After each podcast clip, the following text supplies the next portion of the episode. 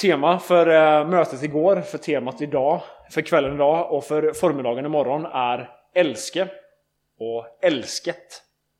Forskellen är bara en bokstav, men det är likväl eh, mycket som rommer sig för detta. Älsket av Gud. Och det kall som vi har till att älska, älska Gud, älska vår nästa och särle älska våra bröder och systrar i tron. Eh, och det är samma text som vi stannar inför vid alla tre tillfällena. Och det är alltså första Johannesbrevet kapitel 4, vers 7 till 21. Vi ska läsa hela den texten igen. Alltså första Johannesbrevet kapitel 4, vers 7 till 21.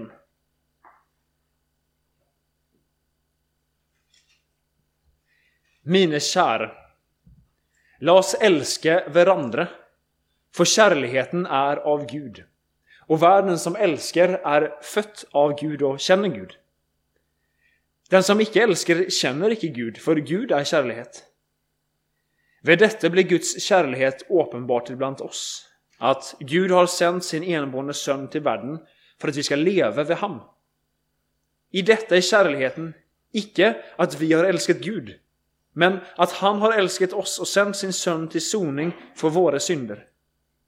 Mine kära, har Gud älskat oss slik, då skyller också vi att älska varandra. Ingen har någonsin sett Gud.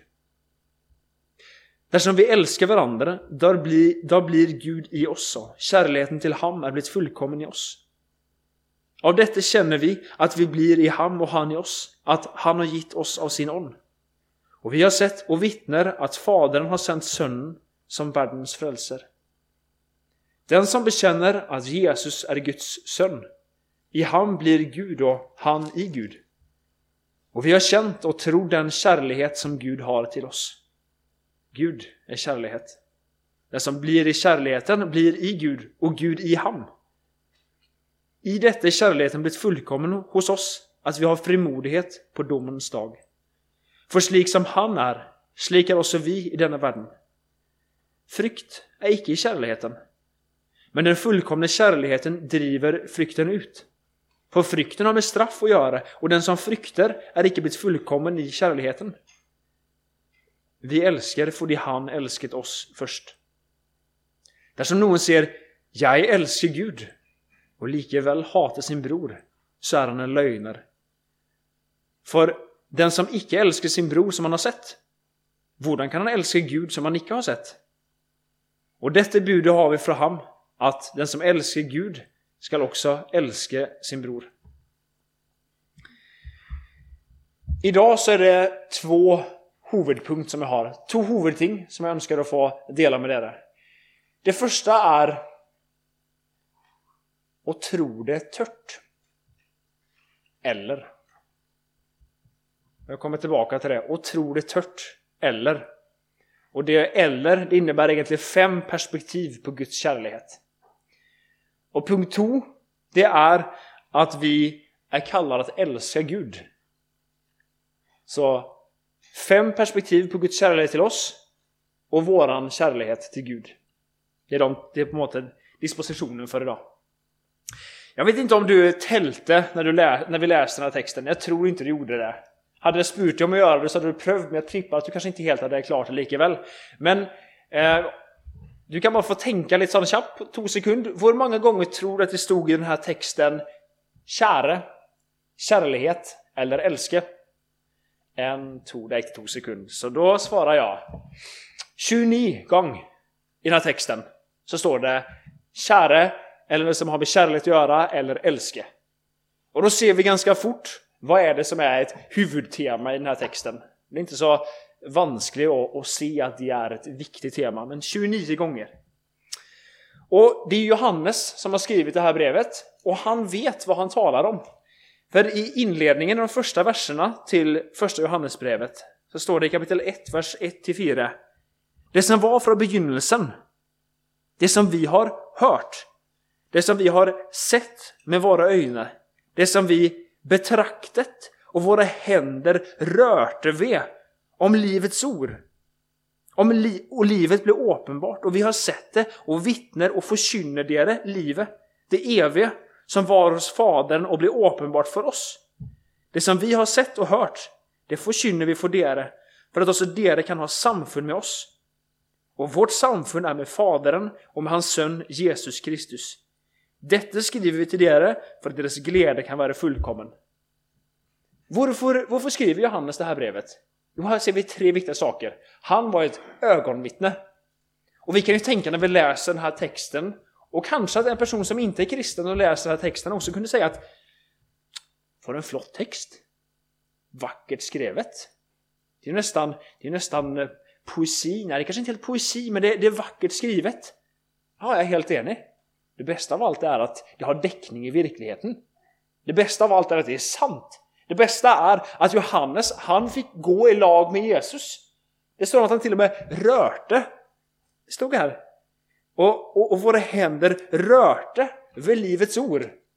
Och ordet blev kött och tog bolig bland oss. Vem är ordet? Det är Jesus. Johannes, han diktar inte upp det här, men han vet akkurat vad han snackar om, för han var där. Det andra är att han skriver om detta fordi han, han säger vi har samfund med Fadern. Och vi skriver detta för att dere ska ha samfund med oss. Så att dere också kan få ha samfund med Fadern och hans son Jesus Kristus. Samfund, hur ofta skriver du det i en melding? Ska vi ha lite samfund ikväll? Nej, vi brukar kanske inte det så ofta. Men det är ett annat ord för fällskap, närhet och kontakt. Och det var nog av det vi snackade om igår kväll. Det är att Gud sänder sin son Jesus Kristus till dö på korset. Det är för att vi ska få komma in i samfundet, fällskapet igen med Gud, så som Adam och Eva hade i Edens hage. Där de fick vandra med Gud. Det fällskapet blir genomupprättat när Jesus dödade på korset. Inte bara sån automatiskt, men när vi får tro. När vi hör budskapet och kommer till tro på Jesus, får ta emot hans tillgivelse, då är du tillbaka i det fällskapet och den närheten. Och Johannes skriver detta brevet nettopp för att visa på det samfundet. Och för det tredje varför skriver han brevet? Jo, han skriver det, detta skriver vi till er för att deras glädje kan vara fullkommen. Det här är ett glädjesbrev, det är mycket glädje som står här. Mycket som har, vi har grund till att jubla över det som står här. Om en Gud som är en kärlegud. Och det bästa av allt är att Bibelns kärlek den går så långt mycket djupare och över det som vi snackar om som kärlek idag, i vår tid. Och som jag sa igår, det är så lite av det vi möter i vår tid som är sann kärlek. För det är faktiskt så att kärlek, vi kan bara älska. Så som Bibeln säger när vi är i kontakt med kärleken med stort K. Och det är bara Gud själv, den som är född på ny av Gud. Genom dåpen och troen. Och som lever i, i, i ett, ett förhåll till Gud. Den kan också älska. För att Um, detta skriver till er för att deras glädje kan vara fullkommen. Det är någonting att, att jubla över. Och, och den här kärleken som vi möter här, det är alltså det som motsats till det vi möter idag. För ofta så tänker vi att kärlek det handlar så mycket om en födelse. Gud är kärlek, Gud bara bubblar. Nej, inte bara massa bubblor hos Gud. Eller när det står att vi ska älska varandra och det är så viktigt att vi bara sitter här och bara föler så mycket för varandra. Eller att jag bara ska gå runt och säga det, jag är glad i dig, jag är glad i dig, jag är glad i dig. Vi läser faktiskt inte särskilt mycket om det evangeliet Jesus gick runt och sa Jag älskar dig. Men det som präget Jesu gärning och det som präger Bibeln är att kärleken leder till handling. Gud griper in. Jesus förbarmade sig över människor. Han fick medynk. Han grät med folk. Han helbredade, han gav mat, han vasket fötter. Kärleken är inte bara liksom att det måste bubbla. Men det är, det är handling.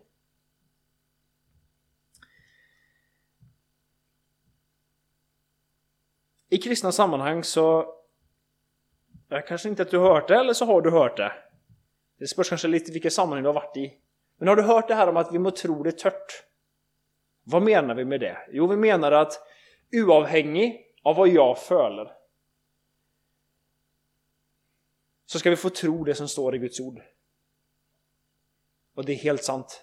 Tack och lov. Jag ska inte få se på mig själv vad jag tänker och följer och så tänker jag att det är på något sätt det som bestämmer hur jag har det. Finns det en Gud? Föler jag att det finns en Gud idag? Nej, idag så följs Gud så långt borta. Ja, det betyder att Gud inte finns eller att Gud är långt borta. Är det så? Nej. När Guds ord säger Jag är med dig alla dagar in till tidens slut. Då ska jag få tro det tört, oavsett om jag följer eller icke. Men någon gånger så snackar vi också om detta med att vi ska tro det tört, som att det är normalen. Allt som har med kristenlivet ska vi tro tört. Det är liksom det bästa. Gud är kärlighet och Gud älskar dig. Ja, vi får tro det tört. Det hörs ganska fromt ut. Och, och jag är också helt överbevisad om att någon gång så är vi faktiskt nött till att tro det tört. Jag känner det inte alltid. Så spörsmålet, handlar det egentligen om att jag må föla det så fruktansvärt mycket? Då, tänk, då är vi tillbaka på att tänka att kärlighet är primärt att jag är väldigt, sån, väldigt emotionell. Och det kan det vara också. Och när Johannes skriver om glädje, glädje det är en födelse. Något som gör mig lycklig och glad. Men jag har lust att utfordra på och visa på fem ting. Fem måter som Gud visar kärlek på. Som jag inte alltid tror att vi tränger att tro tört. Jag tror bara vi tränger att utsätta oss för Guds kärlek. Vi var inne på det här bibelstället igår, men i första Johannesbrevet eh, 4, vers 16 så läste vi Vi har känt och tror den kärlek Gud har till oss. Gud är kärlek, den som blir i kärleken blir i Gud och Gud i ham. Här står det alltså att Johannes skriver om att vi har känt och trodd. De har fått erfara Guds kärlighet. Jag tror att flera av, flera av er som är här känner till boken eh, Kärlighetens fem språk av antropologen, eh, pastorn och äktenskapsrådgivaren eh, Gary Chapman. Och han, han snackar om det att, att bland människor i äktenskap så är det primärt fem måter som man kan visa kärlek på. Eller som är den vanligaste måten att göra det på. Han snackar om att det är viktigt med anerkännande ord. Han snackar om att det är viktigt med tid på varandra. Om att ta emot gaver. Om tjänster och fysisk beröring. Och Chapmans poäng är att, att alla de här kärleksspråken är viktiga. Men oftast är det så att ens äktefälle har ett av de här kärleksspråken som sitt primära kärleksspråk. Um, och för min del så, så kan jag ha den faran att, att jag kan tänka så här att jag kan gärna stå ute i, i våran verkstad hemma i många timmar, gärna flera kvällar och så och snäckra på en, en liten gave till min kone, en liten ett en liten hylla eller möbel eller något som jag, så, som jag tänker det är fint och, och, och, och står och tänker massa på Miriam när jag står där. Och jag tänker att det här, åh, det är så mycket kärlek här alltså. Problemet är bara att min kones kärleksspråk är tid. Så hon skönner att jag ville nog gott för henne. Men för hennes del så hade det varit mycket bättre om jag bara droppade den där tingen i verkstaden. All tiden som jag brukade i verkstaden så kunde jag varit inne med henne istället. Ja. Eller ett annat exempel, någon som då... Eh, någon som köper eh, rosor till sin kone. Eller tvärtom. om min kone skulle köpa rosor till mig. Jag har sagt till henne, köp inte rosor till mig. För det, det, det, det, funkar liksom inte. Och sen om hon skulle köpt liksom tusentals med rosor köpta i kärlighet så är det inte riktigt det som kommunicerar. Men om hon, om hon fixar lunchlådan till mig en gång eller flera gånger, åh, oh, det är dejligt. Jag sätter väldigt pris på det. Det är så mycket kärlek. Och av och till så när jag öppnar min lunchlåda på kontoret och så ligger en liten lapp där det står Jag älskar dig. Lunchbox, vi snarare lutar på låda. Ja, lunchbox. Eske. Du vet niste, som norrmän älskar. Ja. Um. Chapman poängterar alltså att det är viktigt att pröva att identifiera kärleksspråket som ens äktefälle har. Och så pröva att kommunicera kärlek på den kanalen. Sen också på de andra måterna, men, men primärt likaväl att finna den där, vad är det som betyder mycket för henne? Och jag tror att de här kärleksspråken också kan passa in i relationer mellan föräldrar och barn. Mellan vänner. Och jag tror också att det passar i församlingen. Sällsagt så behöver kärleksspråken anpassas. Ehm. Jag tror inte att det är Gary Chapman som har kommit på kärleksspråken. Jag tror att han har identifierat någonting, han har sett någonting som, som beskriver hur människor i goda äktenskap, hur de förmedlar kärlek. Men jag tror inte det är han som har kommit på det här. Brukar Gud de fem kärleksspråken? Ja, jag tror faktiskt det. Nu önskar inte jag att pressa in Guds kärlighet i en fempunktslista och säga att detta är Guds kärlighet. Så, men likväl med det förbehållet om att vi inte kan begränsa Guds kärlek där, så tror jag att visst vi ser på de här fem kärleksspråken, så ska vi se, är det så att Gud brukar dem? Och när vi ser att Gud faktiskt brukar de kanalerna, så är det en hjälp för oss till att se bredden i Guds kärlek. Upplever du att Gud älskar dig? Längtar du efter att få se mer av Guds hjärta för dig? Och då kommer det tredje spörsmålet till dig. Ger du Gud möjlighet att övertyga dig om att du är älskad av honom? För jag tror, när vi läser Guds ord, så står Gud redo att överösa dig med kärlek och bevisa dig om sin kärlek. Men om jag ska se på mig själv så vet jag att jag så sällan utsätter mig utsätter mig för Guds kärlek. Eh, du kanske har hört eh, det där exemplet med eh, en kone som säger du säger ju aldrig att du älskar mig. Så svarar mannen Nej, jag ska ge besked hvis jag ändrar mig. Jag har sagt det en gång, jag ska ge besked hvis jag ändrar mig. Och så, och så, så lever vi ofta lite sånt på vi lever lite på, på avstånd från Gud. Och vi, vi, på måte, vi, vet att, ja, vi vet att Gud älskar mig, men, men vi, vi, håller oss på, på avstånd och så, och så har vi inte den där närheten med Gud. Vi ska se på de här, kort på de här fem perspektiven. Anerkännande ord är det första som, som Chapman talar om. När Jesus har blivit döpt så sänker sig den helige Ande ner över honom och så hörs en stämma från himmelen som lyder Du är min son, den älskade. I dig har jag välbehag. Den som blivit döpt, som tror på Jesus, har blivit iklätt Kristus. Du är skjult i Kristus. Det betyder att det som Gud fader kan säga om sin son Jesus, det kan han säga om dig också. Därför kan han säga, du är min son, du är min dotter, min älskade, i dig har jag välbehag. Fordi du är i Kristus. Och egentligen allt det som vi har framför oss här, det är anerkännande ord från Gud. Det är inte allt som är lika behagligt att höra, men det säger sanningen om mig. Och när vi får läsa Bibeln från start till slut så hör vi budskapet om Josef, du är skapt i Guds bilde. Jag hade undervisning med, med eleverna på, på val för några dagar sedan. Och så pressade jag eleverna så sa jag att du är värdelös. Och så, va? Står det kristendomsläraren och säger att du är värdelös? Ja, då säger de, nej vi är värdefulla. Ja, varför är du värdefull? Mamma har sagt det.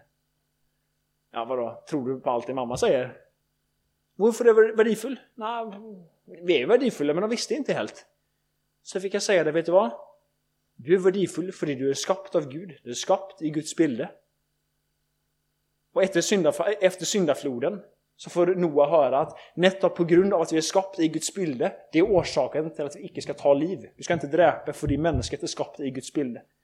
Du är skapt i Guds bilde. Du är älskad av Gud. Men jag får också höra om mig själv, Josef, du är en syndare. Du är förtappt. Du står under Guds vrede. Det är också ett anerkännande ord. På den måten att den, den säger faktiskt vem jag är. Men så säger den, Josef du tränger en frälse. Och så får jag ta emot budskapet, evangeliet om att Jesus dödade också för en synder som mig. Alltså Och så får jag ta emot budskapet, du är min son, den älskade, du är i Kristus. Du är högt älskad, du är ren, du är rättfärdig, du är himmelen värdig. Och som det hade med Sten Solberg för två veckor sedan, du är, du är Kristi brud. ren. Hela Bibeln är full av Guds anerkännande ord. Och för dig som vet att anerkännande ord är viktigt för dig, ta särskilt till dig detta. Men vi är allesammans här, vi tränger att få leva i Guds ord och få höra Guds tankar om oss. Både det som är ont och det som är gott. Och när vi kommer till lägen och lägen säger Josef, du har det och det problemet. Så blir jag inte sint på lägen. Det är gott att lägen säger Josef, du är psyk, men jag har medicinen. Jag har behandlingen. Eller som för något år sedan så var jag till fastlägen och så sa han Josef, jag känner en väldigt god kardiolog. Honom ska jag hänvisa dig till. Så fick jag komma dit och så fick jag hjälp och så visade det sig förstås att jag hade ett helt friskt och fint hjärta. Men jag har fått se mitt eget hjärta. Och, och det var egentligen lite skummelt. Men Gud, han är den store kardiologen som ser in i ditt och mitt hjärta. Och han vet vad som bor där. Och eftersom han vet det så dog han för dig, för det han älskar dig. Han vill att du ska tillhöra honom. Det andra kärleksspråket är tid för varandra. Jesus säger Kom till mig, alla som strävar och har tungt att bära, och jag vill ge er vila.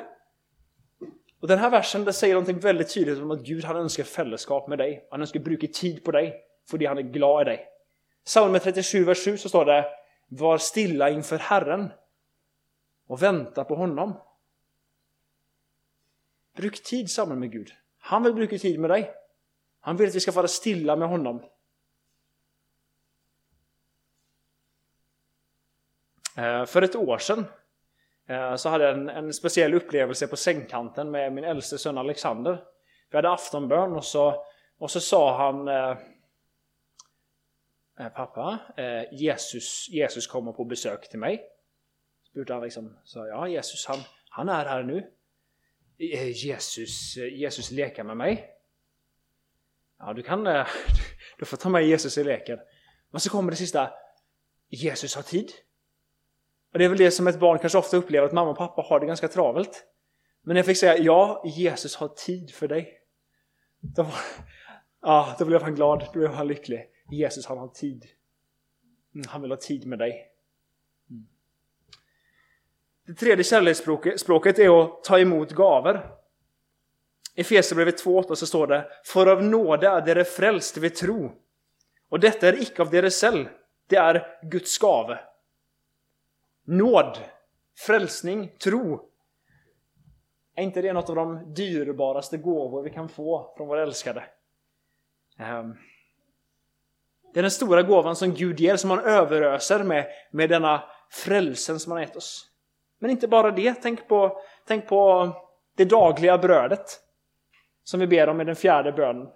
Gott väder, kläder, hus, hem och så vidare. Luther räknar upp väldigt mycket där som jag inte ens huskar helt. Det är gåvor som Gud ger. Husk att det är Gud som ger det. Eh, det var en eh, elev här på ett internat som jag gick i nattvakt förra helgen. Hon var liksom helt, liksom, hon var väldigt glad och upprymd men hon var också lite ifrån sig för hon, hon hade fått en, en eh, det är ju ganska sött då med, med, elever som går på internat som är såna tenåringar och så, och så hade hon plötsligt fått en packe med nudlar utanför dörren från Noen. Det var liksom då en, en gave. Men, och, och en medelev visste vem som hade gett det, men hon hade inte lov att säga vem det var. Och den där jäntan hon bara liksom trippade ut på vem är det, vem är det, vem är det? Vem är det som gett dig allt gott? Vem är det som ger dig kläder, mat, hus och så vidare? Det är han som älskar dig. Husk det. Det är han som står bakom, det är han som har skapat dig och upprätthåller vår värld. Han låter ditt hjärta slå. Det fjärde är eh, tjänster och det blir alldeles för simpelt att kalla det som Gud har gjort för mig för en, en tjänste.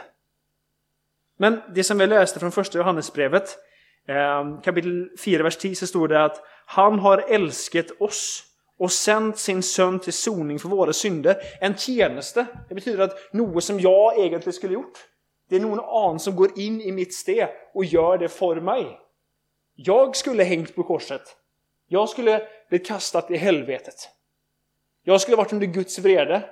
Någon annan går in och gör det för mig. Jesus går in och gör det för mig. för att jag ska få leva, det är tjeneste med stora bokstäver.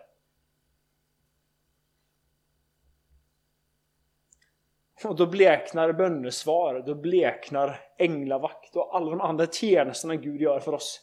När vi får se den stora tjänsten som Jesus gjorde. Och jag säger det, det är för litet ord att bruka. Men likväl. Gud är så glad i dig. Att han sände sin son för att göra den tjänsten för dig. Det sista kärleksspråket, det är fysisk beröring. Och då tänker du, ja men där, det, det kan du inte tillämpa på Gud och hans kärlek. Jo, det kan vi verkligen göra. Vad är det Gud gör när han kommer till oss i nattvarden?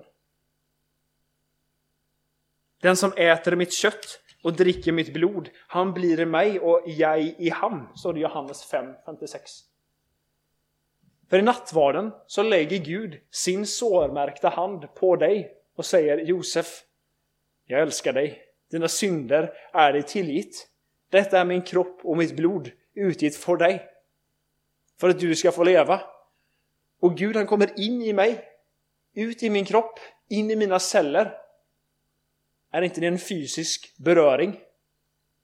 Och det hade han inte gjort, visst han inte älskat mig.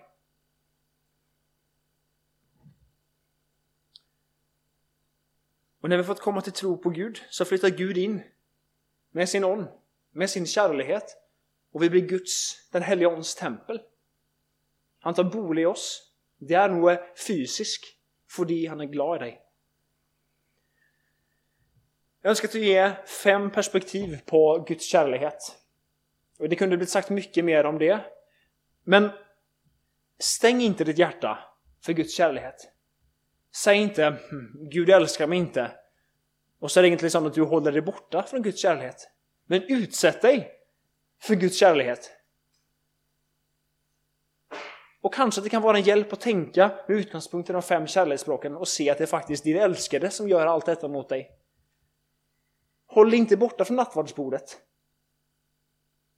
Alla vet vad det kan betyda med en, en klapp på skuldran, en kläm. Det är det vi får vid nattvardsbordet. Jesus lägger sin hand på dig och säger Du är min och jag är din. Johannes skriver detta därför han säger att för att vi ska få fällskap, för att vi ska ha samfund med Gud. För att vi ska få vandra i lag med Gud som Adam och Eva vandrade i hagen. Låt oss då göra det. Håll dig inte borta från Guds kärlek. Och jag tror vi av och till ska vänta lite med att säga detta att vi må tro det tört. Ja, kanske hvis jag håller mig borta från Gud så följs det väldigt hårt. Men lika, på samma måte som hvis jag håller mig borta från min kone, om vi inte skulle vi gifte oss för sex år sedan, men vi har inte haft någon kontakt sedan dess. Då börjar man att tro det tört. Ja. Men när vi mötes varje dag och vi får dela kärleken med varandra på de här fem måterna så får vi leva i kärleken och då behöver vi inte tro det tört. Då, då, då börjar det till och med bobbla faktiskt. Ofta i vart fall.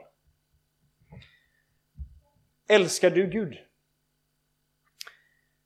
Det första som måste sägas om detta, om att älska Gud tillbaka, det är att det är något som är helt umuligt. För det som vi sa igår, för att älska som, som Bibeln säger så måste vi vara i kontakt med den stora kärleken. Vi måste vara jämfört av Gud. Och det är därför på denna punkten som vi allra först och störst blir avslört i vår synd. Vi ser att vi tränger Jesus, vi tränger hans frälse. I det dobbelte kärleksbudet så säger, så säger Jesus Du ska älska Herren din Gud av hela ditt hjärta, av hela din själ, av all din förstånd, av all din kraft. Du ska älska din nästa som dig själv. Du ska älska Herren din Gud med, med hela din kropp. Allt det du är och har och gör.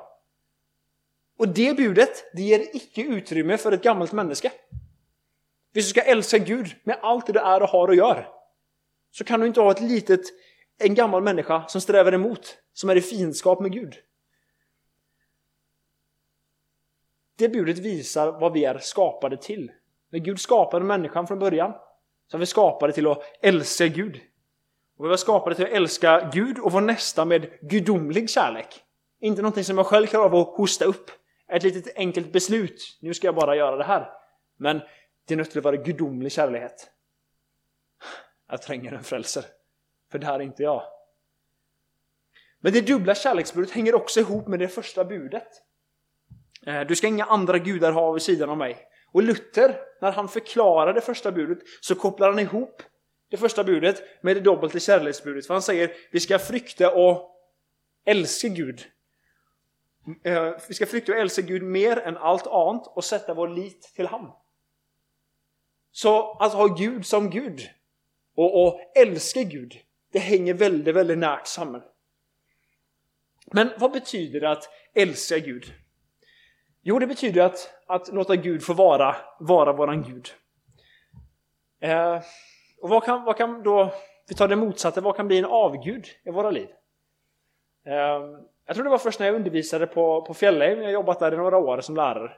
Ehm, så slog det mig när jag jobbade med förberedelser att, att ehm, Bal är en avgud som kommer på flera platser i, i, som, som är på en måte av, den stora avguden bland, bland Israels folk och i nabofolken. Och betydelsen av namnet Bal, det är egentligen tre ting. Det betyder herre, det betyder husbonde, det betyder äktefälle. Och det är en måte som vi faktiskt kan få pröva oss själva på. Vad är det som är herre i mitt liv? Det vill säga, vad är det som styr mina, vad är det som styr mina valg? Vem är det som bestämmer över mig? Vad är det som är alltså husbonde? Vem är det jag tjänar? Vem svettar jag för? Vem slavar jag under? Vem arbetar jag för? Och äktefälle? Vem är det jag älskar? Vem ger jag det innersta till? Vem delar jag mitt hjärta till? Och om vi inte kan svara Bibelns Gud på alla de, på måte, de områdena så har vi, har vi avgudar. Och det vet du bäst själv vad, vad som kan vara i ditt liv. Kanske att, jag tror aldrig jag har sagt det tidigare, men kanske att för någon så är det faktiskt telefonen som blivit en avgud. För din telefon har blivit så viktig. Det är den som faktiskt styrer. Det är den som jag brukar konstant. Inte för att jag tränger det, men för det det är där mitt liv är. Det är där, dit jag går, det är där jag söker all kunskap, hjälp. Det är där jag har mitt fällskap. Det är det som till och med när jag sitter på do så är telefonen uppe. Inte ens där är det ro att få. Och, och telefon, alltså inget fel med det. Men för någon så kan det vara det som styr ditt liv. Och det är det som är det viktigaste för dig. För någon så blir det kanske eh, fotboll och följa med på absolut allt. Det är där vi lägger vår tid. Eh, och det, fotboll är kämpebra med fotboll. Men för någon så blir det, tar det för stor plats i livet. Om jag ska vara ärlig med det, vad kan bli avguden i mitt liv? Så är det faktiskt så att i Bibeln och när vi också hör om andra religioner så är det inte så att det att ha en gud alltid är någonting fantastiskt och flott. Men man kan vara en slav under en, en gud. Man kan vara, man kan vara plaget av den guden. Tänk på, på alla de som har offrat små barn till, till avgudarna. Tror ni att det var någonting som folk önskade att göra? Nej. Jag tror man var, levde i frykt för den guden. För min del så kan slitenhet vara en sån gud. Nej, nu är jag så sliten. Nu är det... Nu har jag varit vaken så så många timmar i natt på grund av barnen, att de var vakna. Nu är det så mycket att göra där och sån och sån och sån att nej, vet du vad Gud, nu får du... Nej, jag säger inte ens det. Jag, jag liksom... De dagarna finns inte Gud i mitt liv, tänker jag. Istället för att säga Gud, nu är jag så sliten så nu... Jag orkar inte öppna Bibeln. Jag, jag vet inte vad jag ska be men jag vill att du ska vara min Gud likaväl. Kan jag bara få vara med dig Gud? Kan, jag få, kan, kan du minna mig? Kan, nu, nu ser jag att jag, jag orkar inte ta initiativen men, men kan du minna mig om vem du är? Vad du har gjort för mig? Att du är glad i mig? Att du har plan för också detta som sker nu? Att du vill ge styrka? Du ger den trötte kraft? Gud, jag vill att du ska vara min Gud, sällan om jag inte orkar någonting själv.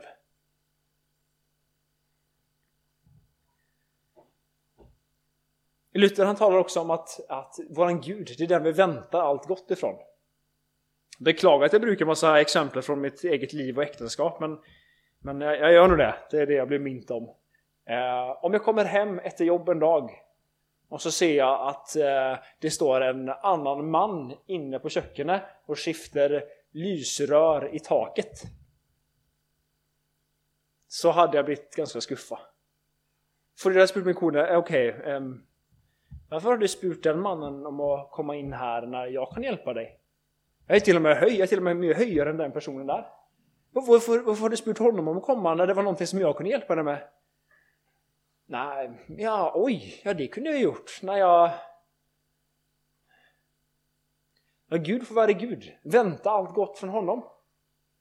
Jag vill att när, min, när jag vet att någonting som jag kan göra så jag önskar att min kone ska spöra mig om det. Spör inte någon annan. Jag är din man. Det är vi som är gifta. Vänta allt gott från Gud. Att leva ett liv i, i, i lovsång till Gud. När Paulus är på Areopagos så säger han, startar han sin talan med att säga att jag ser att era är, är väldigt religiösa. Och när vi hör ordet religion och religiositet så tänker vi, hm, fy. Och det är någon som har lagat en video liksom, som ställer upp religion versus kristendom. Och jag, jag skönjer på något sätt någon av poängerna med en sån video. Men likväl så var det så när Paulus kommer till Areopagos så märker han att här är det faktiskt människor som tror att det finns en gud. Som, som lever liv som är präget av att de, att de tror på något. Att, de, att, att det finns en gud, att de, att de tillber den guden, de, de, de offrar till den guden. Av och till för oss kristna så tänker jag så här att visst Paulus hade kommit till, kommit till, kommit till oss, hade han då sagt det verkar som att jag inte tror att det finns en gud. Där det går på möte, men, men efterpå så, så finns det ingenting i livet som visar att er tror att det finns en gud. Någon gånger är det sån. Och då tänker jag, är vi sådana som blivit icke-religiösa? Och då tänker jag som positiv förstånd, egentligen. Vara religiös, det vill säga att regna med en Gud i vardagen. Och att det synes på våra liv. Att vi lever i kontakt med himmelens och jordens skapare. Och att vi önskar att lovsynga och ära honom för den han är, det han har gjort. Och att vi får leva i fällskap med honom.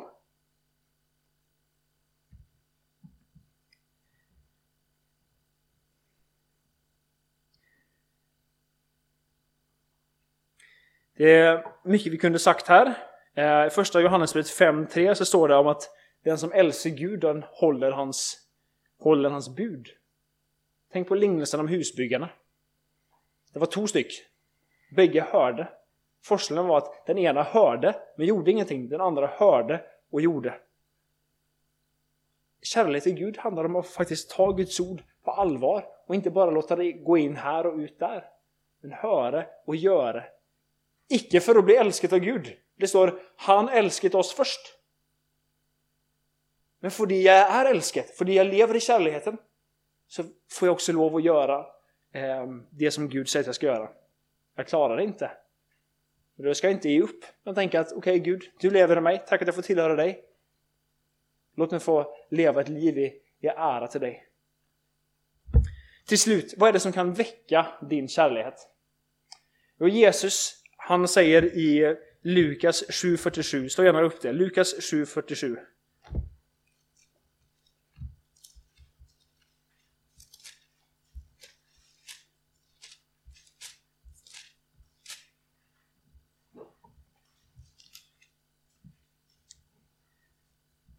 Därför ser dig, hennes många synder är henne förlatt. Därför älskar hon meget. Men den som litar tillit älskar lite. Vad är det som kan väcka din kärlek till Gud? Det är att få leva i lag med Gud och hans ord och så spöra Gud Hvordan, hvordan har jag det? Var, var är det skon klämmer? Var är synden i mitt liv? Få bekänna det för Gud och få ta emot hans tillgivelse. Det väcker kärleken. Rosenius, han, han, eh, i den boken som heter Bröders gemenskap på svenska, lite osäker på vad den heter på norska, men bok nummer 6, så skriver han så här. Hur får man då ett nytt hjärta som verkligen älskar? Ja, du får aldrig den rätta kärleken till Gud förrän han först har bevisat så mycket kärlek att ditt hjärta har smält ned av hans kärleksglöd. Du kan inte börja med att ge honom kärlek. Du måste börja med att ta emot hans. Hvordan älskar vi? Det står vi älskar för det han älskat oss först. Och jag tror vi får komma inför Gud och bekänna inför Gud. Gud, jag har inte älskat dig av hela mitt hjärta, av hela min själ, av allt mitt förstånd, av all min kraft. Jag tror inte jag kommer att klara det heller. För det kommer alltid ha den gamla människan i mig. Förlåt för alla avgudar som har kommit in. Men tack för att det inte var min kärlek som drog Jesus ner på jorden till att dö för mig. För det fanns en gnutta kärlek hos oss människor så sände Gud sin son för att dö. Han älskat oss först. Och sista uppfordringen. Utsätt dig för Guds kärlek. Utsätt dig icke.